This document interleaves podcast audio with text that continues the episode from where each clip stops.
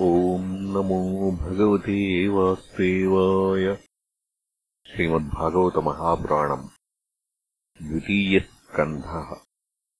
अथ प्रथमोऽध्यायः। ध्यानविधिः। भगवतो विराड्रूपस्य वर्णनम्।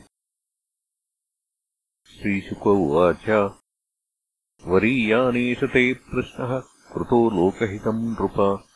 आत्मवित्सम्मतः पुंसाम् श्रोतव्यादिषु यः परः। श्रोतव्यादीनि राजेन्द्र नृणाम् सन्ति सहस्रशः। अपश्यतामात्मतत्त्वम् गृहेषु गृहमेधिनाम्। निद्रया ह्रियते नक्तम् व्यवायेन च वा वयः। दिवा चार्थे हया राजन् कुटुम्बभरणेन वा देहापत्यकलत्रादिष्वात्मसैन्येष्वसत्स्वपि तेषाम् प्रमत्तो निधनम् पश्यन्नपि न पश्यति। तस्माद्भारत सर्वात्मा भगवानीश्वरो हरिः। श्रोतव्यः कीर्तितव्यश्च स्मर्तव्यश्चेच्छताभयम्। एतावान् साङ्ख्ययोगाभ्याम् स्वधर्मपरिनिष्ठया जन्मलाभः परः पुंसाम् अन्ते नारायणस्मृतिः। प्रायेण मुनयो राजन्निवृत्ता विधिषेधतः नैर्गुण्यस्था रमन्ते स्म गुणानुकथने हरेः।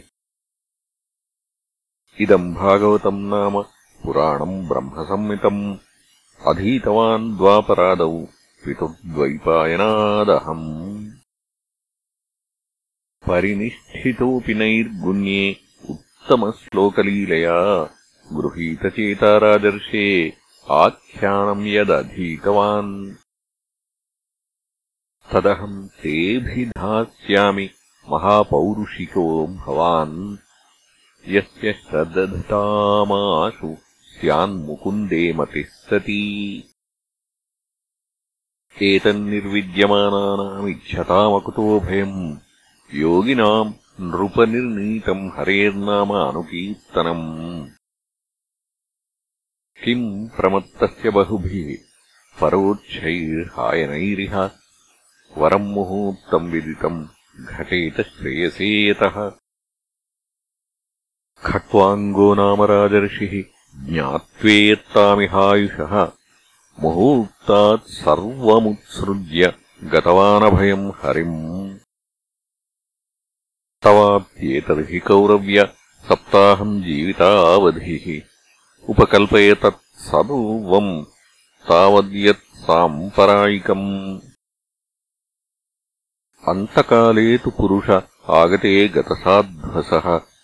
छिन्द्यादसङ्गशस्त्रेण स्पृहाम् देहे नुये च तम्। गृहात् प्रव्रजितो धीरः पुण्यतीर्थजलाप्लुतः। शुचौ विविक्तासीनो विधिवत्कल्पितासने। अभ्यसेन्मनसा शुद्धम् त्रिवृद्ब्रह्माक्षरम् परम् मनो यच्छेज्जितश्वासो ब्रह्मबीजमविस्मरन्। नियच्छेद्विषयेभ्योक्षान् मनसा बुद्धिसारथिः। मनः कर्मभिराक्षिप्तम् शुभार्थे धारयेद्धिया। तत्रैकावयवम् ध्यायेदव्युच्छिन्नेन चेतसा। मनो निर्विषयम् युक्त्वा ततः किञ्चन न स्मरेत्। पदम् तत्परमम् विष्णोः मनो यत्र प्रसीदति। रजस्तमोऽभ्यामाक्षिप्तम् विमूढम् मनात्मनः यच्छेद्धारणया धीरो हन्ति या तत्कृतम् मलम्। यस्याम् सन्धार्यमाणायाम् योगिनो भक्तिलक्षणः। आशु सम्पद्यते योग आश्रयम् भद्रमीक्षतः राजोवाच। यथा सन्धार्यते ब्रह्मन् धारणा यत्र सम्मता यादृशी वा हरेदाशु पुरुषस्य मनोमलम्। श्रीशुक उवाच जितासनो जितश्वासो जितसङ्गो जितेन्द्रियः स्थूले भगवतो रूपे मनः सन्धारयेद्धिया। विशेषस्तस्य देहोऽयम् स्थविष्ठश्च स्थवीयसाम् यत्रेदम् दृश्यते विश्वम् भूतम् भव्यम् भवच्च सत्। अण्डकोशे शरीरेऽस्मिन् सप्तावरणसंयुते वैराजः पुरुषो योऽसौ भगवान् धारणाश्रयः।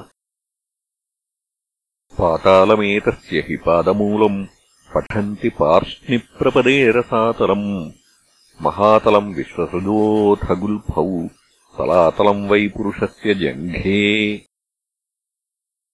द्वे जानुनी सुतलम् विश्वमूर्तेः ऊरुद्वयम् वितलम् चातलम् च महीतलम् तज्जघनम् महीपते नभस्थलम् नाभिसरो गृणन्ति।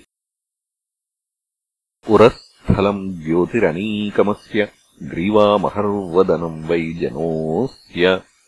तपोरराटीम् विदुरादिपुंसः सत्यम् तु शीर्षाणि सहस्रशीर्ष्णः इन्द्रादयो बाहवाहरुस्राः कर्णौ दिशः श्रोत्रममुष्यशब्दः नासच्यदस्रौ परमस्य नासे घ्राणोऽस्य गन्धो मुखमग्निरिद्धः। यौरक्षिणी चक्षुरभूत्पतङ्गः पक्ष्माणि विष्णोरहनी उभे च तद्भ्रूविजृम्भः परमेष्ठिधिष्ण्यम् आपोऽस्यतालूरस एव जिह्वा छन्दांस्यनन्तस्य शिरो गृणन्ति दंष्ट्रायमः स्नेहकलाद्विजानि। हासो जनोन्मादकरी च माया। दुरन्तसर्गो यदपाङ्गमोक्षः व्रीडोत्तरोष्ठोधर एव लोभो। धर्मः स्तनोधर्मपथोऽस्य पृष्ठम् कस्तस्य मेढ्रम् वृषणौ च मित्रौ कुक्षिः समुद्रागिरयोऽस्थिसङ्घाः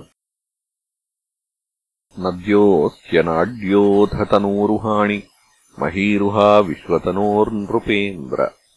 अनन्तवीर्यः श्वसितम् मातरिष्वा गतिर्वयः कर्मगुणप्रवाहः। ईशस्य केशान् विदुरम्बुवाहान् वासस्तु सन्ध्याम् कुरुवर्यभूम्नः। अव्यक्तमाहुर्हृदयम् मनश्च स चन्द्रमाः सर्वविकारकोशः। विज्ञानशक्तिम् महिमामनन्ति। सर्वात्मनोऽन्तःकरणम् गिरित्रम्। अश्वाश्वतर्युष्ट्रगजानखानि सर्वे मृगाः पशवः श्रोणिदेशे वयांसि तद्व्याकरणम् विचित्रम्। मनुर्मनीषा मनुजो निवासः। गन्धर्वविद्याधरचारणाप्सरः। स्वरस्मृतीरसुरानीकवीर्यः ब्रह्माननम् क्षत्रभुजो महात्मा। विडूरुरङ्घ्रिश्रितकृष्णवर्णः नानाभिधाभीज्यगणोपपन्नो द्रव्यात्मकः कर्मवितानयोगः। इयानसावीश्वरविग्रहस्य यः सन्निवेशः कथितो मया ते सन्धार्यतेऽस्मिन् वपुषि स्थविष्ठे मनः स्वबुद्ध्या नयतोऽस्ति किञ्चित्। स सर्वधीवृत्यनुभूतसर्वः। आत्मा यथा स्वप्नजनेक्षितैकः तम् सत्यमानन्दनिधिम् भजेत नान्यत्र सद्येद्यत आत्मपातः। इति श्रीमद्भागवते महापुराणे पारमहंस्याम् संहितायाम् द्वितीयस्कन्धे प्रथमोऽध्यायः